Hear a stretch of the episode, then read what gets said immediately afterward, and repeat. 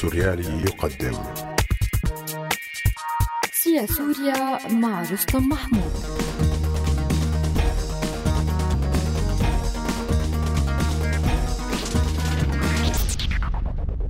المسألة السورية والإمبراطوريات العرجاء. تستبطن الأغلبية المطلقة من السوريين إحساسا كيديا تجاه العالم خصوصا الدول الكبرى وبالذات الولايات المتحدة. إذ يحملونها الجزء الأوسع من مسؤولية تردي أحوالهم إلى هذا الحد. يقولون في سريرتهم لا يريدون حل المسألة السورية لأنهم لا يرغبون بذلك. يريدون للسوريين أن يبقوا تحت حكم دكتاتورية الأسد الذي يخدم مصالحهم. كذلك فإنهم يسعون لتحطيم سوريا كي لا تتمكن من القيام بواجبها في مواجهة إسرائيل. وحتى منافسة هذه الدول. تحمل هذه الرؤية الكثير من الإرث الهجائي للخطابية البعثية التي كانت عادة ممزوجة بتراث الإسلام السياسي الإخواني منه بالذات الذي كان يرفع مسألة سياسة الهوية لتكون الديناميكية والمظهر الوحيد لشكل العلاقات والتفاعلات بين مختلف دول المنطقة وثقافات العالم.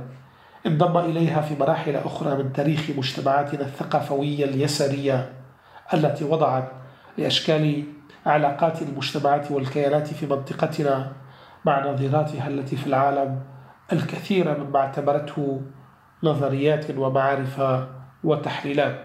هذا الأرس من الخطابية البعثية الممزوجة بسياسات الهوية الإسلامية والثقافوية اليسارية أنتجت تقليديا نظريات بالغة الفظاعة عن وجود مؤامرة عالمية كبرى تستهدف تحطيم مجتمعاتنا ودولنا ومستقبلها. في مراحل التحول الرئيسية استماتت كل واحدة من هذه الرؤى على تحميل نظيراتها المحلية مسؤولية الارتباط والعمالة لتلك المؤامرات العالمية.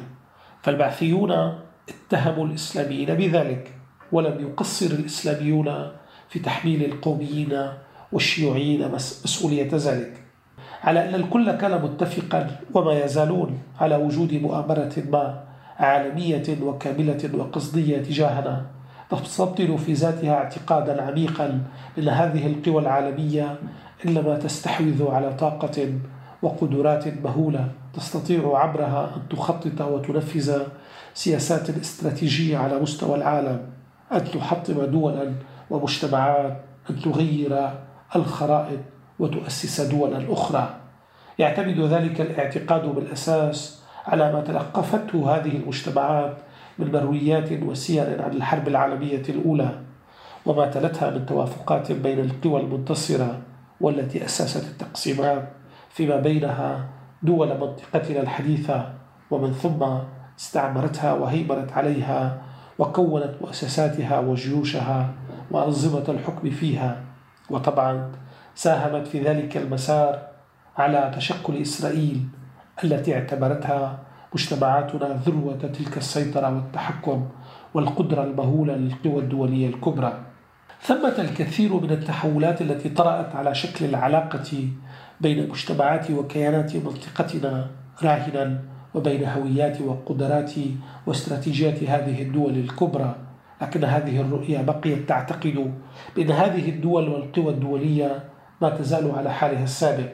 فمثلا لا يلاحظ الكم الهائل من جفاف الروح الاستعمارية في الدول الكبرى فتطور الديناميكيات والأدوات الاقتصادية وقدرة هذه الدول في فرض هيمنتها الاقتصادية وسطوتها السياسية والثقافية سمحت لهذه الإمبراطوريات الكبرى لأن تغتسل من روح الاستعمار المباشر وآليات علاقاتها مع الدول الصغرى.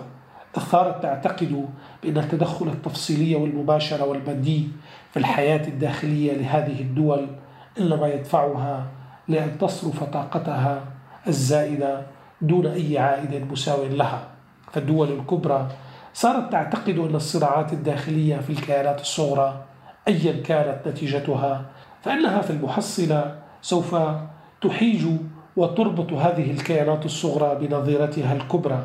لذا لا حاجة لصرف كم هائل من طاقة التدخل في تفاصيلها.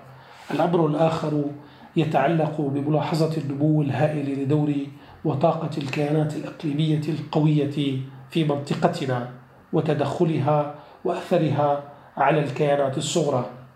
ففي بداية القرن العشرين لم يكن ثمة أي كيان إقليمي يستطيع أن يقف بوجه الاستراتيجيات الاستعمارية الكبرى. فإيران وتركيا ومصر كانت كيانات تستميت في سبيل الحفاظ على وجودها وحدودها الكيانية حفظها من التفتت وهيمنة مختلف هذه الدول الكبرى عليها. ولم تكن تملك أي طاقة للتدخل في شؤون الكيانات الأصغر المحيطة بالدول الإقليمية الكبرى وتركت أمرها للدول الكبرى المستعمرة لها.